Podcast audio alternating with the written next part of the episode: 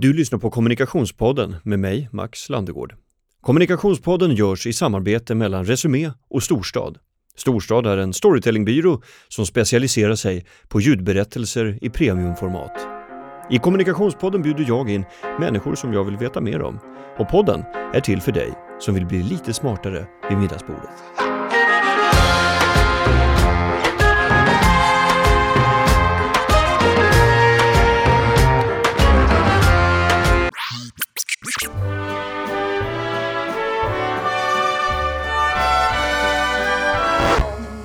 Sommar, sommar, Det är dans i form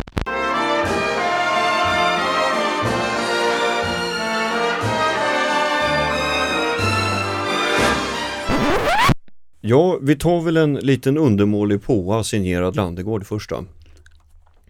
Du, du, du, du, du, du, du, du, du, du, du. Vad tänker du på när du hör det? Jag tänker jobb, jobb, jobb. Exakt. Nej, men jag tänker eh, fortfarande när jag hör den här signaturen efter mina 23 år Ja. så får jag faktiskt en glad känsla. Man skulle kunna tro att man tänker oh no, not again. Men, men nej, faktiskt, ärligt, jag tycker att det fortfarande är. Nu har jag inte hört den på ett tag heller, Nej, förutom det. att det är min mobilsignal, men annars. Är det det? Mm. Ja, det, det, det ante mig. Eh, för dig som lyssnar så ska jag ju också säga för formens skull välkommen eh, Bibi Rödö till eh, Kommunikationspodden. Tack. Eh, är du producent eller vad, vad har du för titel? Jag, jag brukar bara säga hon som jobbar med sommar. Mm. DN eh, hade en rubrik för ett par år sedan och då skrev de i ett utkast Sommars Grand Old Lady. Är det det som är på ditt visitkort? Nej, för jag tyckte det var helt förskräckligt och Joar Bendjelloul som jag då jobbade med sa, men Bibi du är lite för ung för det trots allt.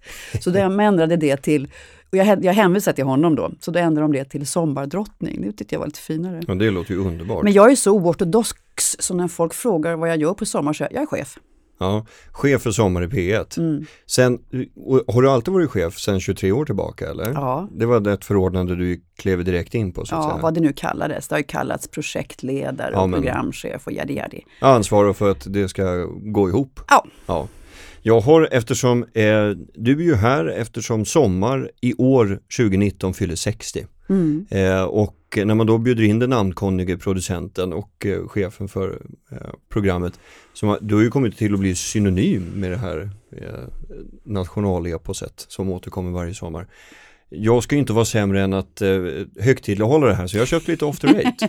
det är väldigt fint här. Eller hur? Ja. Det märks att jag jobbar på offentlig sektor. Börjar Så fira redan, det är strålande. det är ingen sån här Ja, stor reklambyrå. Med... Ja, Men en after date är aldrig fel. Nej, nej, det är trevligt. Mm.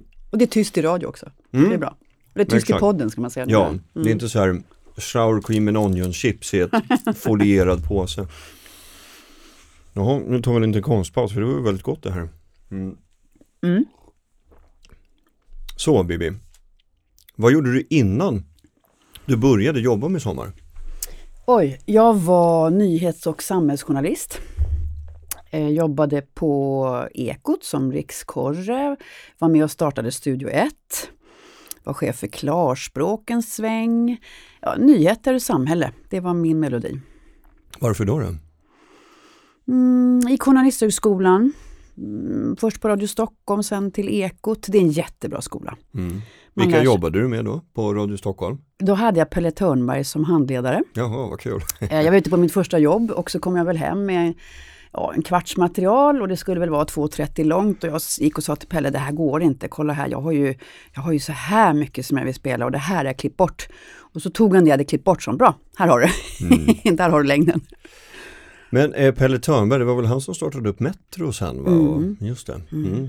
Mångårig. John Crispinson, eh, Staffan Dopping. Ja just det, det var Det hela det gänget. Mm. Varför började du på JMK? Ehm, det var egentligen konstigt att jag gjorde det för att jag hade inga referenser överhuvudtaget. Ingen släkting, inga vänner, ingenting. Ehm, och det var inte den vägen som så att säga skulle varit utstakad i mitt fall. Det hade snarare varit pappa chef på Philips, eh, Handelshögskolan var det Mm. som var lämpligt. Och jag gick där, Näringslivsfamilj alltså? ja kan man säga. Mm. Och jag gick där eh, ett år.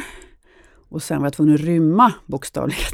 Vadå då? Nej, jag tyckte att det var pengafokuserat, eh, syrefattigt. Jag såg mina, mina kompisar, 19 år gamla tjejerna i knytblus, som inte betyder vad betyder idag. Mm. Uh, gå ner i källaren på, på lunchrasten och kolla börskursen på text-tv. Jag tänkte inte möjligt. Mm.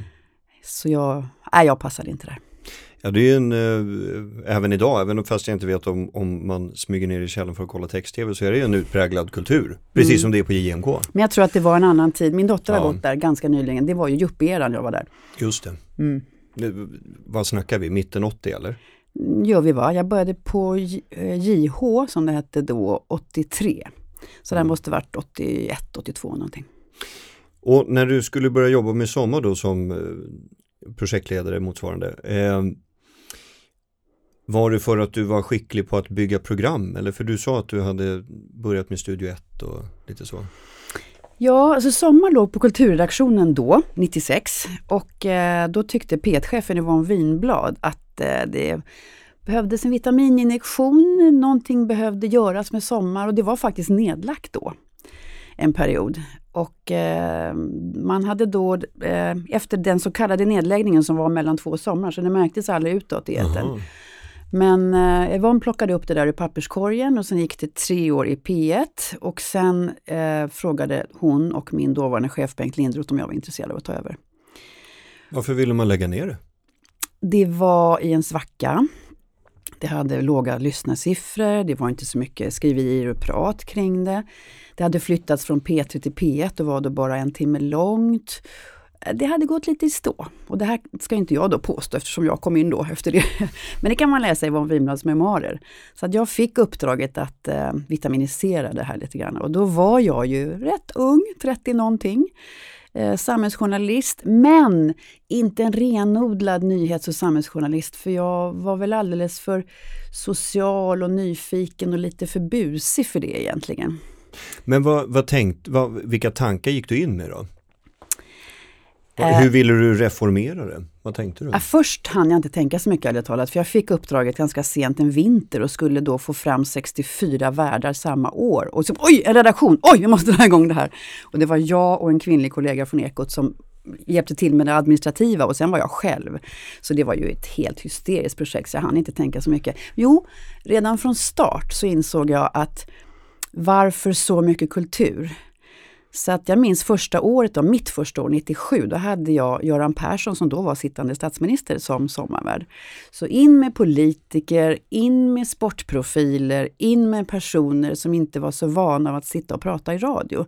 Så det gjorde jag bara med någon ryggmärgsreflex och självklarhet från start. Mm. Men det var ju rätt dumt för det blev ju mycket jobbigare allting. Va- varför då? då? Därför de andra tidigare hade gjort radio och var journalister och kåsörer och utrikeskorrespondenter. Det var mycket lättare. Just det. Ja, det är enk- jag kan föreställa mig att det är enklare att sätta, vad vet jag, Henrik Schyffert i studion jämfört med Fredrik Reinfeldt. Eller? Mm. I ett sånt format liksom. Mm, jag vet inte om jag ska välja just de två, men det finns många exempel på när man har Mm. fått jobba väldigt mycket numera.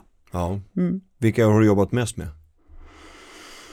Mm, nej, men vi har en helig regel i sommar att eh, när vi håller på bakom kulisserna så säger vi aldrig så här, åh herregud, vi fick hålla på så länge och så mycket och det här var så besvärligt och så många klipp. Det gör vi inte, vi bara tada! I knew you'd say that. ja. ja. Men finns det en särskild yrkeskategori som man måste jobba mer med? Eh, ja, på ett väldigt speciellt sätt, av en speciell anledning och det är näringsliv. Okej, varför då? då? Knepigt, knepig sfär. Jo, därför att de är ofta så ängsliga över vad som händer med börskursen. Mm. Eh, och de är så otränade i att eh, tänka liksom outside the box, utanför deras smala spår som handlar om att bolaget måste gå bra, jag måste leverera till mina personer som investerar eller börskurs vad det handlar om. De har så otroligt fokus på det. Och allt som ligger utanför, som är liksom livet, det tycker jag att de ofta inte riktigt har vandrat runt i. Så för dem blir det ofta ett uppvaknande, eh, en, en process som blir kanske mer jobbig för dem än för någon annan som har suttit och hållit på och funderat på det här på olika sätt genom livet. Intressentkartan behöver breddas för att få, få ro i hamn den här timmen med? Ja, eller för dem är det eller? en väldigt, jag minns Antonia Axelsson Jonsson som sa att det här har varit en otrolig process för mig. Och vad än folk kommer tycka om det så, så är det inte det som är det avgörande för mig utan att jag har själv tvingats tänka efter vad jag har gjort i livet, vad jag vill göra i livet, vem jag är. Och då är det ju inte så företagsbaserat att se om vinstkurvan går uppåt. Det är ofta nytt för dem, vilket har förvånat mig. Du, du var inne på det här med att det i mitten av 90-talet så gick Sommar i stå. Det var inte så lätt att eh, locka lyssnare till det. Det, var inte, det skrevs inte så mycket om det. Jag fick frågan för ett par år sedan att producera ett sommar med en eh, väldigt namnkunnig skådespelare. Och när jag bearbetade honom oupphörligen, det var en stalker-varning så därför gav jag upp. Men eh, jag, jag försökte vara så väluppfostrad som möjligt i mina eh, approcheringar. Så, så sa han det att eh, jag vill inte bli betygsatt på mitt musikval. Så därför så säger jag nej. Mm. Kan det inte ligga i fatet också att folk skriver för mycket? Så att man, man, man blir av med, med väldigt bra namn. Absolut, och där får jag ju riktigt fundera på om jag själv har gjort det här för stort. Därför att scenen har blivit så stor. Så att de riskerar mycket om man kliver upp på den scenen och sen gör någonting dåligt och så har man 15 recensioner samma eftermiddag, boom, på nätet. Så att det är ju ingen lek. Och vi försöker ju avdramatisera det där och ha kvar känslan av att det är bara ett radioprogram.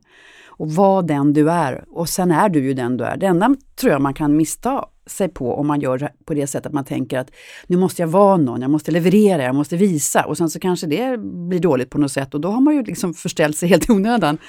Man kan ju aldrig ångra att man har varit sig själv, då kan man skylla på tidsandan var så då att då gillar man inte mig speciellt mycket, men det gör man säkert om fem år, eller det struntar jag i. Eller Exakt. jag har högre mål och mening i mitt liv. Ja, Ja. Neil Young är fortfarande bra liksom, även om någon på en Exakt. kvällstidning tycker Man behöver inte vara så annorlunda. ängslig. Nej. Eh, temat för den här intervjun, alltid så typiskt, jag liksom kommer alltid in på det som vi borde prata om alldeles för långt in i programmet. Nåväl, temat för den här intervjun tänkte jag kunde vara hur narrativen har ändrats genom decennierna, för nu, nu har vi ändå ett 60-årsjubileum att luta oss mot.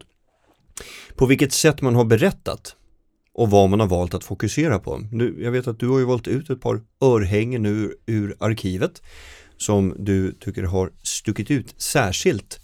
Eh, men innan vi går vidare till de specifika exemplen, på vilket sätt kan man säga att sommar har varit en termometer av eh, samtiden? Oj, på många sätt. Och på olika sätt kan man svara på den frågan. Eh, för det första är det så att sommarvärlden väljer själv vad hon vill prata om och vilken musik hon vill spela. Så det är inte vi som har en tänkt vinkel som du har med den här intervjun, utan vi lämnar ju det öppet. Och då blir det ju så att de väljer det som ligger dem varmast om hjärtat då. Och då blir ju det en väldig tidsmarkör på vad olika typer av människor i vårt land är engagerade i just då. Och jag minns när vi på vår återträff efteråt eh, samlade sommarvärdarna. Peter Örn var VD för Sveriges Radio då, han är en väldigt duktig talare. Så han höll ett tal där som gick ut på att Tänk om man kunde stoppa in alla era sommarprogram i en liten kapsel och så skjuter vi upp den i rymden. Och så säger vi hej, här är vi. Och han hade en klar poäng i det och han uttryckte det bättre än jag gör nu och mer mångordigt förstås. För det är ju ett slags bild av vilka som lever i det här landet, eh, vad de tänker på, vad de är engagerade i. Så att det är ett otroligt avtryck av samtiden. Eh, men då backar vi lite grann eh, i tid, för eh, jag tänker, ska vi lyssna på det första klippet nu som kommer då från 60-talet med Georg Tuppen Eliasson. Mhm. Ja, v- vem är det? Ja, men han var radiokändis, han var en stor radioman. Eh, nu levde jag ju inte då så jag har inte full koll. Men eh, en radiokändis kallar vi honom kort och gott. Okej, Va- varför har du valt ut det här klippet då? Nej men det var för att det finns ju många sådana från tidiga datumet när Sommar startade 59. För 59 finns ingenting kvar ska jag säga, men från 60-talet och framåt. Nej men det var som Sommar var då. Mm. Och eh, om jag har, kommer ihåg historien rätt så är det väl eh, Tage Danielsson som startade upp Sommar. Oh ja, Ja. han kom med det 1959, men då var det ju, det är inte som det är idag kan vi säga. Nej, hur var det då? då? Men hans grundidé var lika enkel som genial, att det skulle vara en person som pratade eh, och så spelade musik. Mm. Så det är ju genialt enkelt koncept som vi håller i fortfarande. Men på den tiden så var det ju en väldigt mansdominerad värld. Eh, de som talade i radio talade ofta till folket. Eh, man hade tilltal som var väldigt, eh, ganska högtravande. Mm. De här ana kände man igen ofta. Och när vi hade något Vilka jubileum, an? Ja, men de talade med an så här förr i tiden. Och det minns jag att jag tog upp med Bo Strömstedt på, det måste varit 40-årsjubileum. Expressens förra chef, Ja. och då sa Bo, ja men det har du rätt i, det var de här ana, så talade vi, så talade man då. så det hör man, det är också en tidsmarkör. Men framförallt så var det så att Sommar 59 var bara ett försök att i program eh, så kunde den mannen då ofta som satt där och talade vara lite personlig och kanske nämna någonting om dagen eller vädret eller så. Och det var helt nytt. Det var helt revolutionerande att man inte bara sa att nu kommer, dags för och nu ska vi höra. Eller det här är uppläsningen av nyheterna eller det här är den programpunkten. Så att det var liksom embryo till att vara lite personlig, fast pytte, pyttelite. Då börjar vi med Georg Tuppen Eliasson från 1960. Det här är avsett för just er. Ni som just nu ligger och latar er i en hängmatta, en vilstol eller på ett sofflock eller på en badstrand. Överhuvudtaget för er som har semester. Låt det rinna in genom ena örat och ut genom det andra. Vi ska spela skivor och prata lite om dem. Och tröttnar vi på det så pratar vi om något annat. Om vädret till exempel. Det sker kring klockan halv två. Och så kommer ett litet kåseri någon halvtimme senare. Ja, det påstås att det faktiskt är nyttigt att någon gång då och då ta så här lätt på tillvaron. Ja, härligt. En helt annan ton än vad man var van vid. Ja men verkligen. Det, det är, ju, det är ju väldigt, eh, man känner inte att man kommer honom in på livet. Det är ju inte Knausgård direkt. Nej, men då var det ju något nytt och vad trevligt det var då. Mm. Ja, alltså det, det, det är ju ett helt annat, som du säger, det är ju ett helt annat tilltal än vad man kan känna igen i, idag. Mm. Liksom. Om någon skulle sitta och prata på det här sättet 2019, vad skulle du få för reaktioner tror du? Nej, men det skulle ju inte gå. Ja, vi plockade fram ett eh, sommarprogram av Tage Danielsson för ganska länge sedan när man behövde ett reservband minns jag. Och då var vi så här, ja vilken härlig stund det ska bli. Vi satte oss i Radhusparken, jag och min kollega då första året. Eh, och satte vi på det här bandet och så tänkte vi, ja nu ska vi bara lyssna igenom det så att vi vet att det var ett fantastiskt band att lägga på om det händer någonting. Och så efter ett tag så tittade vi på varandra så här, men du, har börjat ännu? men, men det kommer nog snart. Och nu älskar vi alla Tage Danielsson och han var ju lika genial som charmerande. Men, men det var någonting då att det, det, det hände liksom ingenting. Han, han berättade inte så mycket med substans och sen kommer det ju pärlor i det. Jo, jo. Fantastiska pärlor. Men väldigt utdraget och väldigt man undrar, oj, nu gick det en kvart till och vart tog den kvarten vägen lite grann? Det är mer genomtänkt nu. Nu, nu kräver ju inte jag att du ska eh, liksom ta ett sociologiskt take på det kräver ju en hel forskningskarriär. Men var, varför tror du att, varför pratade man så på 60-talet? Vad är det i tidens anda som påbjuder ett sånt eh, tilltal till eh, Nej, men jag tror lyssnarna? att man just gick från tiden då man talade till folket. Mm. Man hade en väldigt en attityd som var att de lärde, satt i radion och talade och politikerna var också liksom lite högre personer som talade till. Och det här var ju ett väldigt fint sätt att, att nå människor på ett annat sätt och var mer inbjudande, så det var nog helt rätt.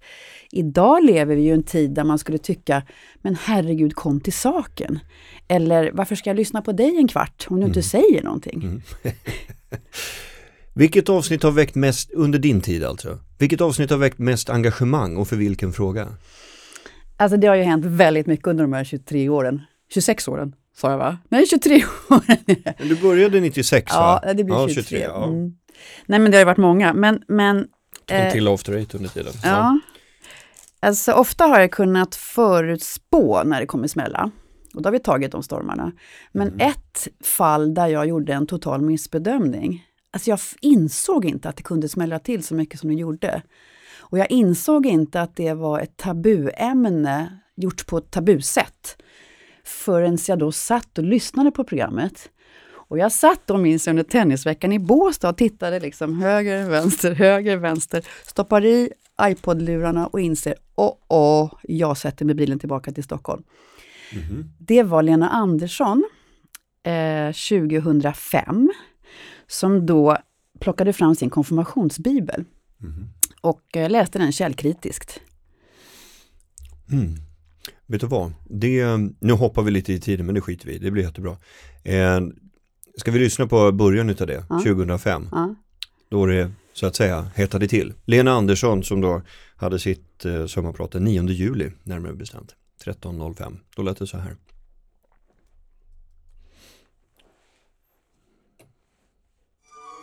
Vi är väl precis i början, eller hur? Så vi, vi lyssnar på signaturen Mm. först. Hörde du det här? Ja, det här är, jag gillar ju Lena Andersson Mm. väldigt, väldigt mycket. Hon är ju lite husgud. Liksom. Skarp. Så, har du läst Sveas son? Nej. Nej. Mm. Apropå folkhemmet och... Mm. Nej, den skulle du tycka om. Mm. Eller ja, nu känner ju inte vi varandra men... Men eh, typ. Ja.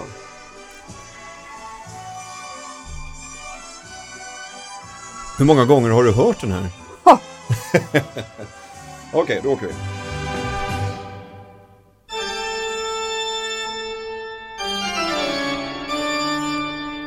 Ingen kunde svara honom och efter den dagen vågade heller ingen längre ställa frågor till honom.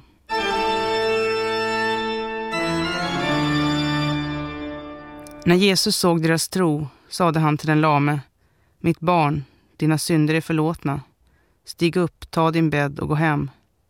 Men mannen svarade, så tyst att evangelisten som skrev ner det inte hörde. Jag har inte syndat mer än någon annan. Jag är lam ändå. Och några sade, han är Messias. Men andra sade, inte kommer väl Messias från Galileen? Är det inte snickaren, Marias son? Och han kunde inte göra så många underverk i sin hemstad.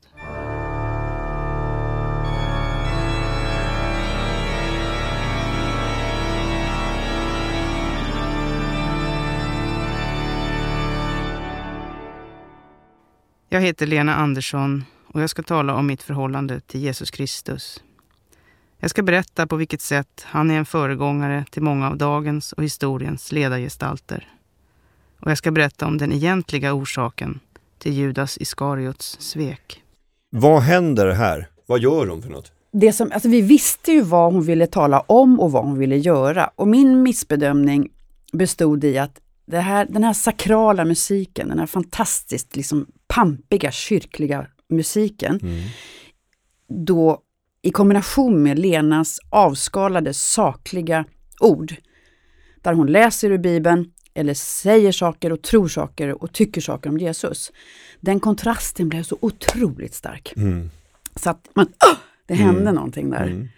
Eh, och då började telefonen ringa något oerhört minns jag. Och vilken debatt det blev. Kors, vilken uppståndelse var rubriken i, i Svenska Dagbladet. Och ett herrans liv, jag vet inte alla travesteringar på detta.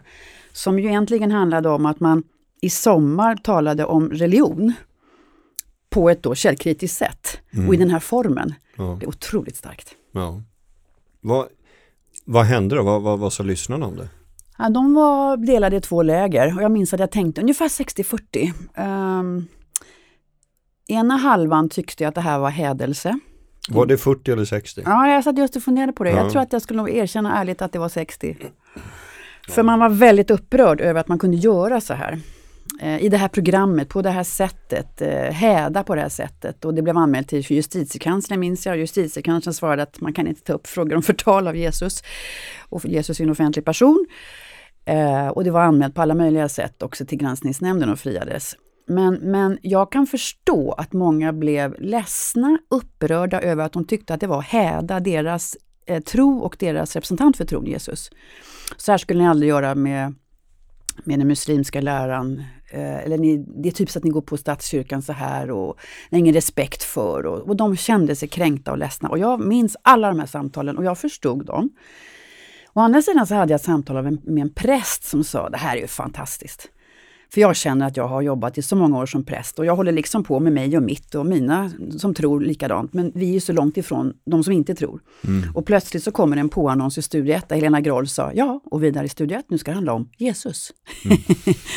så att, och han tyckte, det är fantastiskt, låt oss prata om Jesus. Och plötsligt så blev ju sommar som alla pratar om, då blev ämnet Jesus. Ja. Vad spännande. Spännande. Mm. Ja. Eh, vilket sommar har haft minst antal lyssnare? Alltså för det första så vet jag det inte. Nej. Och för det andra så skulle jag inte svara även om jag visste det. För det vore ju jättetaskigt mot Ja. den sommarvärlden. Men som jag var inne på lite så vet jag att de här åren i P1 före jag tog över den 96-97, det var inte så stor lyssnarskara. Nej. Det vet jag. Var det just valet och att det bara var kulturpersonligheter som gjorde att det liksom utarmades? Det blev liksom andefattigt på något sätt, eller? Nej, men det gick ju tidigare i P3 och P3 var ju då den stora folkliga kanalen som alla lyssnade på. Och sen la man ner Sommar och Melodikrysset och Svensktoppen för det, var, det skulle vara för ungdomar under 37 och ett halvt år. Och då fångade Yvonne Winblad upp det i papperskorgen och jag fick uppdraget då tre år senare. Och då var det ju, då skulle liksom folk över i P1 och lyssna där och så var det en timme långt och så det, det hände saker i skeenden. P3 var inte den stora kanalen längre, är det inte längre. P1 har i viss mån blivit det. Eh, P4 är absolut på sitt sätt. Ehm, Ja, jag, jag, om, vi, om vi tar en kort passus om det när vi ändå är inne på det. Så jag lyssnade på Mediepodden här för eh, någon vecka sedan tror jag att det var. Ehm, att eh, de hade gjort en egen liten eh, SIFO-gallring och sett att eh, antalet lyssnare på ett antal år på P3 har sjunkit med 38 procent. Mm. Nu har inte jag själv eh, extra kollat om källorna men det sades i alla fall i Mediepodden och de hade ju eh, den nuvarande kanalchefen som fick uttala sig i frågan också. Och då kan jag väl säga att vi är då P1. Ja, Och det som var så fantastiskt i somras var att vi, vi spräckte ju poddrekordet. Vi hade ju vårt poddindex där på en vecka. Räckvidden var ju 1,2 miljoner i princip. Mm. Så det är ju oerhört mycket och väldigt stort och glädjande. Samtidigt som vi faktiskt behöll våra lyssnare från, vi till och med ökade FM-lyssningen. Mm.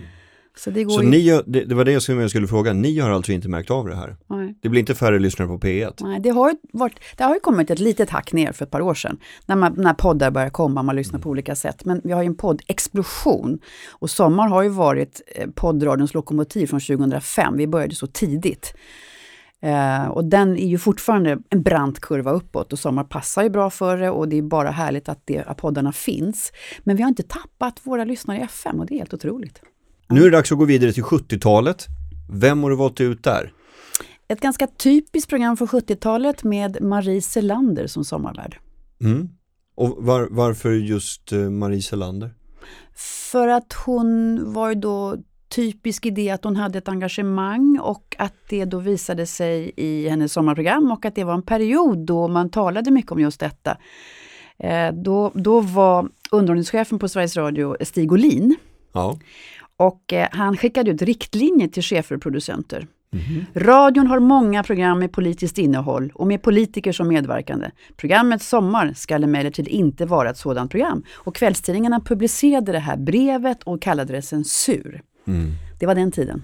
Ja, eh, ett, på många håll genompolitiserat samtal om det mesta. Ska vi lyssna? Men visst är texterna oerhört viktiga. Nu menar jag förstås inte de texter som talar om för oss att vi ska glömma bort vårt eget liv, utan de texter som verkligen har någonting att förmedla. Om förhållanden på arbetsplatser till exempel. Hur många arbetare ska dö som försökskaniner genom förgiftningar och olyckor på grund utav dåliga skyddsanordningar, dålig ventilation med mera. Och det här, det kan man ju verkligen göra låtar och musik om.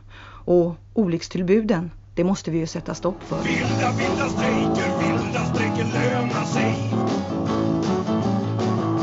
Vilda, vilda strejker, vilda strejker lönar sig. Ja, 70-tal. wow. Alltså det, det här får mig att tänka på, jag, jag gjorde en liten sån här jukebox-kväll med eh, två av mina barn. Så skulle vi dansa lite disco och sådär och då satte jag på en svensk gammal slager. Eh, gud, jag kommer inte ihåg vad den heter nu, den är ju jättekänd. Och så mitt i låten, så jag kunde liksom sjunga den, så hade jag glömt bort att hon mitt i låten säger man våldtar moder jord. Kommer du ihåg vilken det är? Den är ju jättekänd. Mm, mm. Na, na, na, na, na. Mm, vi får Det är ju konstigt att man längtar hem någon gång, det är den. Mm. Eh, och jag bara, åh herregud, men det var ju typiskt liksom, 70-tal. Eh, det är ju ett helt annat engagemang i rösten, Mm, eller hur? mm, Det är så här barrikad-voice. mm. Precis så är det. Och så musiken till. Ja, och så musiken. Mm. Ja. Vad, vad får du för känslor när du lyssnar? Nej, men då var jag ju ganska ung så jag har inte upplevt det här riktigt själv. Nej, men men eh, jag, jag har ju läst på om det. Du var väl typ bara tio år när det här var? Ja, men då var jag 77 va? Nej, när var det där det var då? Det var, nu ska vi se, ja, när var det? Jag följer ju årtalen, entalen. Ja, Mm. undrar om det inte var 70 då? Ja, då var jag 10. Ja, du ser. Mm. Ja, då, då kan man inte stå till svars för så mycket. Nej, men, men då var i alla fall, tiden var ju så att när Stig Olin var underhållningschef, då var ju underhållning inte något fint, det var ju inget bra. Ja, Okej.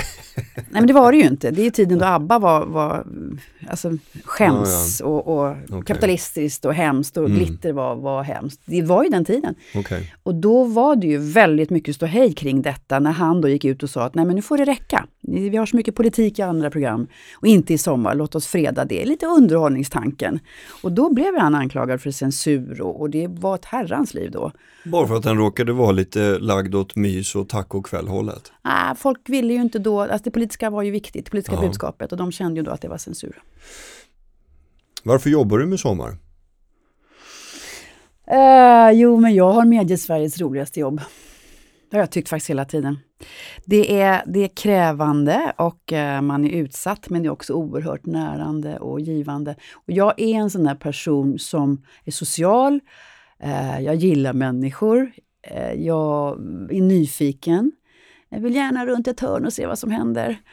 Eh, och det som uppstår runt sommar är både det man hör i programmen och det som uppstår bakom. Det kan liksom aldrig vara tråkigt och ointressant. Och jag vet ju inte från år till år vad som händer.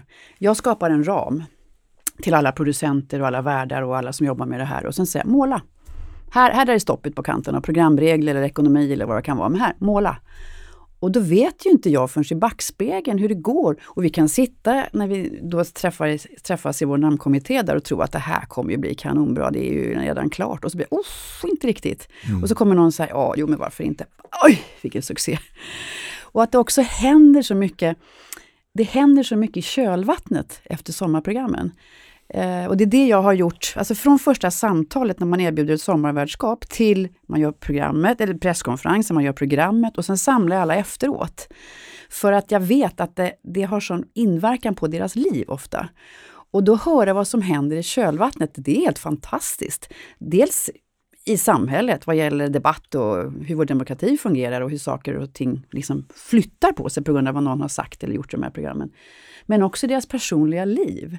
Om Anja Persson väljer att, att komma ut och berätta om det och vad som sen händer i hennes liv. Det finns hur många exempel som helst på efter sommar, ett före och efter sommar. Eh, Och när jag träffar dem, när jag då samlar dem på den här återträffen efteråt, jag minns ett år, jag behöver inte säga vem det var för att vi håller ju allting innan, innanför våra väggar där också. Men det var en person, en stridbar feminist som berättade i sitt program. Alltså hon visade sin sårbarhet, hur jobbigt det var. Att hon ibland låg i fosterställning och tyckte det var så jobbigt och hon kämpade och så. Och då berättade hon att då var det ett pensionärspar som hade hört av sig efteråt och sagt Men lilla gumman, vad du kämpar, det är viktigt det du gör. Alltså vi skickar nycklarna till vårt torp och så åker du dit och så vilar du upp det ett par dagar. Och det gjorde hon. Alltså sånt där händer så man blir alldeles så här, ja men det är fint, människor är fina. Det är härligt alltså. Ja. Vi har ju sett eh, några fo- formatmässiga utmanare. Eh, senast kommer jag att tänka på David Eberhardt som i sitt vinterprat, det var väl nu i 2018 Mm, va? Ja. Då valde ju han att intervjua en av sina största kritiker, eh, Martina Montelius. Eh, och han intervjuade också sin fru i vinterpratet. Eh, jag vet att i, var det nu i somras som, vad heter han då? Den här jurymedlemmen, han hade ju och, jurymedlemmen i det här talangprogrammet. Eh, Alexander Bard. Alexander Bard, ja. Han satt ju också med en, Mm. en part och pratade. 2016. 2016 var det, Mm, ja du ser mm. allting blir bara en lera. Mm. Ja, men då, då satt ju han också och pratade med, en, med någon kompis där i, i avsnittet. Mm. Är formatet med en röst och en berättelse på väg att ändras? Nej, inte alls. Och just det här med Alexander Bard 2016, då, han gick ut ganska hårt då och sa att nu ska jag någonting som ingen annan har gjort. Mm. Han ville ju liksom ja, du vet, gå på tvärs och, och säga nu gör jag så här istället. Men nej, det har ju hänt massa gånger tidigare. Eh, så så var det ju inte, för att vi har ju haft eh, Povel Ramel bjöd in sina barn som gäster. Mhm. Och de kom och pratade och spelade musik. Eh, Felix Herngren hade väl två eller tre gäster, det var ju hans alter egon då, Papi Rao och Dan Bäckman Jaha, som hälsade okej. på. Vi har haft lite sådana varianter under årens lopp, men det har ju varit undantagsvis har man lekt lite med formen. Mm. Men, men, Lars Lerin gjorde ju någon grej också. ja, Han, hade ju lite olika röster. karaktärer Mm, liksom som mm. han jobbade med. Ja, det var Mm. kul. Mm. Men det är undantag och så kan man ju få leka med, med en form. Men, men kärnan är ju densamma. Mm. En person. Så vi brukar ju säga nej det här är ju inte en, eh, en show där du sitter och bjuder in dina vänner och sitter och intervjuar dem. Utan du är i fokus. Det är en person som är i fokus och sen kan man ju leka lite med det. Hur tänker ni när ni ska boka värdar?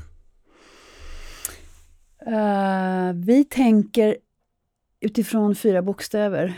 Uh, L-U-S-T. Mm. Det måste bygga på lust. Ja. Eh, För sitter vi då och tänker vi borde ju ha en sån och en sån, de ska bo där och där och vara si och så långa, då blir det ju lätt tråkigt. Vi tänker på lust och vi har liksom ingen rapporteringsskyldighet och vi ska göra massa olika, vi har en ganska stor frihet också, en väldigt stor frihet. Så vi tänker lust.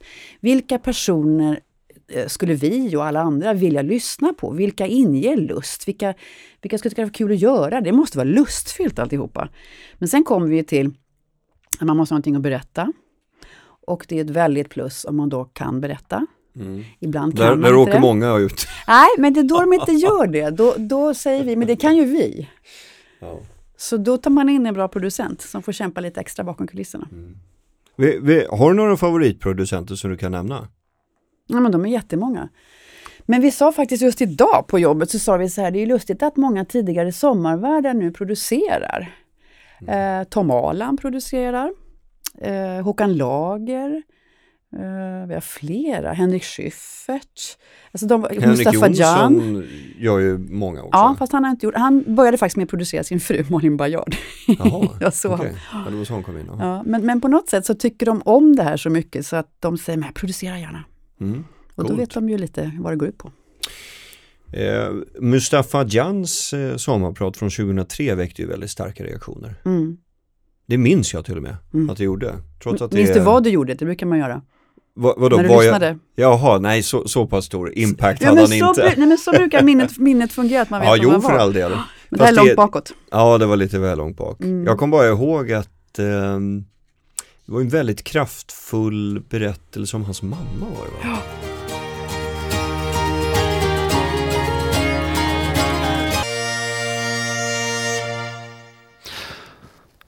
Ja, mor. Jag hade egentligen inte tänkt att säga de här orden. Inte här och nu. Kanske, tänkte jag, skulle det jag kommer att säga låta för sentimentalt, känslodrypande, till och med för löjligt. Men jag säger det ändå. Jag vill att det jag kommer att säga ska spränga jorden och komma upp som vildgräs överallt. Mellan stenarna, i sanden och i asfalten. Jag vill att det ska svämma över och snurra runt som en spiral till evigheten. Att det ska gå över jorden och brusa alla kroppar, rulla in i molnen och förtrolla varje fågel, varje levande ting. Förlåt mor. Jag älskar dig. Villkorslöst. Det är det jag vill säga. Jag älskar dig. Så banalt det låter, reducerat till endast en beskrivning. Men jag finner inga andra ord som skulle kunna göra rättvisa åt det jag vill säga dig. Jag kan inte annat. Tystnad vore en brutal förnekelse.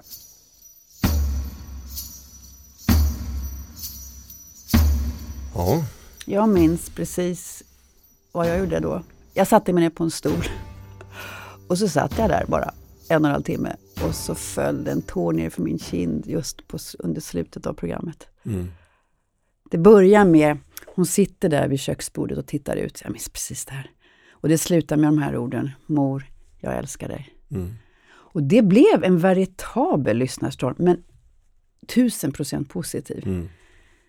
Det, det slog an någonting som var helt fantastiskt. Han, han berörde på ett sätt som var... Du ska ju backa till 2003, det har hänt mycket i vårt samhälle sedan dess. Och i någon motivering, och så skulle man inte uttrycka sig idag, men jag vill minnas att det stod någonting i stil med Han gav invandrarkvinnan med slöja ett ansikte. Ja, men det, det där kommer jag faktiskt ihåg. Det Ja. var något snarlikt sånt, ja, Ja. exakt. Och så skulle Ja. vi inte säga idag. Nej, det är sant. Men då sa man det och då menade man väl väl också i den formuleringen att han, han talade om sin mor och man förstod ju då förstås, vilket man kunde ha listat ut ändå, men att hans mamma var ju en mamma som alla andra mammor. Han var en son som alla andra söner och vad de hade varit med om var ju någonting i deras liv och det kunde man ju då jämföra med sitt eget liv. Och det som hände var att jag satt i telefon jag vet inte hur många kvinnor som ringde efteråt, och Mm. ofta med gråten i halsen fortfarande och sa Han har gett mig ett värde. Jag har bara varit mamma Mm. Och jag har fått ett värde. Fint. Mm. Och ni var ute och festade igår, du och han. Vi var på Jesper Wallerstens utställning på Fotografiska. Just det. Ja. Ja, härligt. Mm. Hur är det med honom nu då? Man har inte hört av honom så mycket nu för tiden. Eller? Nej. Eller är det jag som är, är, lever i, i radioskugga kanske? Nej, han gör mycket. Ja. Mm. ja, han är ju en sån person. Mm. Vilka ska prata i sommar då? Jo, vi börjar med när, när släpps det? När är det 13 klart? juni. 13 juni. Mm. Vet du redan nu vilka det är som ska prata? Jag ringde och bokade in en kvinna idag. Det var Ja. jätteroligt. Man blir på så gott humör när man ringer och bokar in. För de blir så glada. Ja, Eh, så att i nuläget har vi 37 av 57 och så lämnar vi ju en plats åt lyssnarnas sommarvärld som vi själva inte ja utser. Mm. Där är vi nu. Är det någon som konsekvent alltid har sagt nej?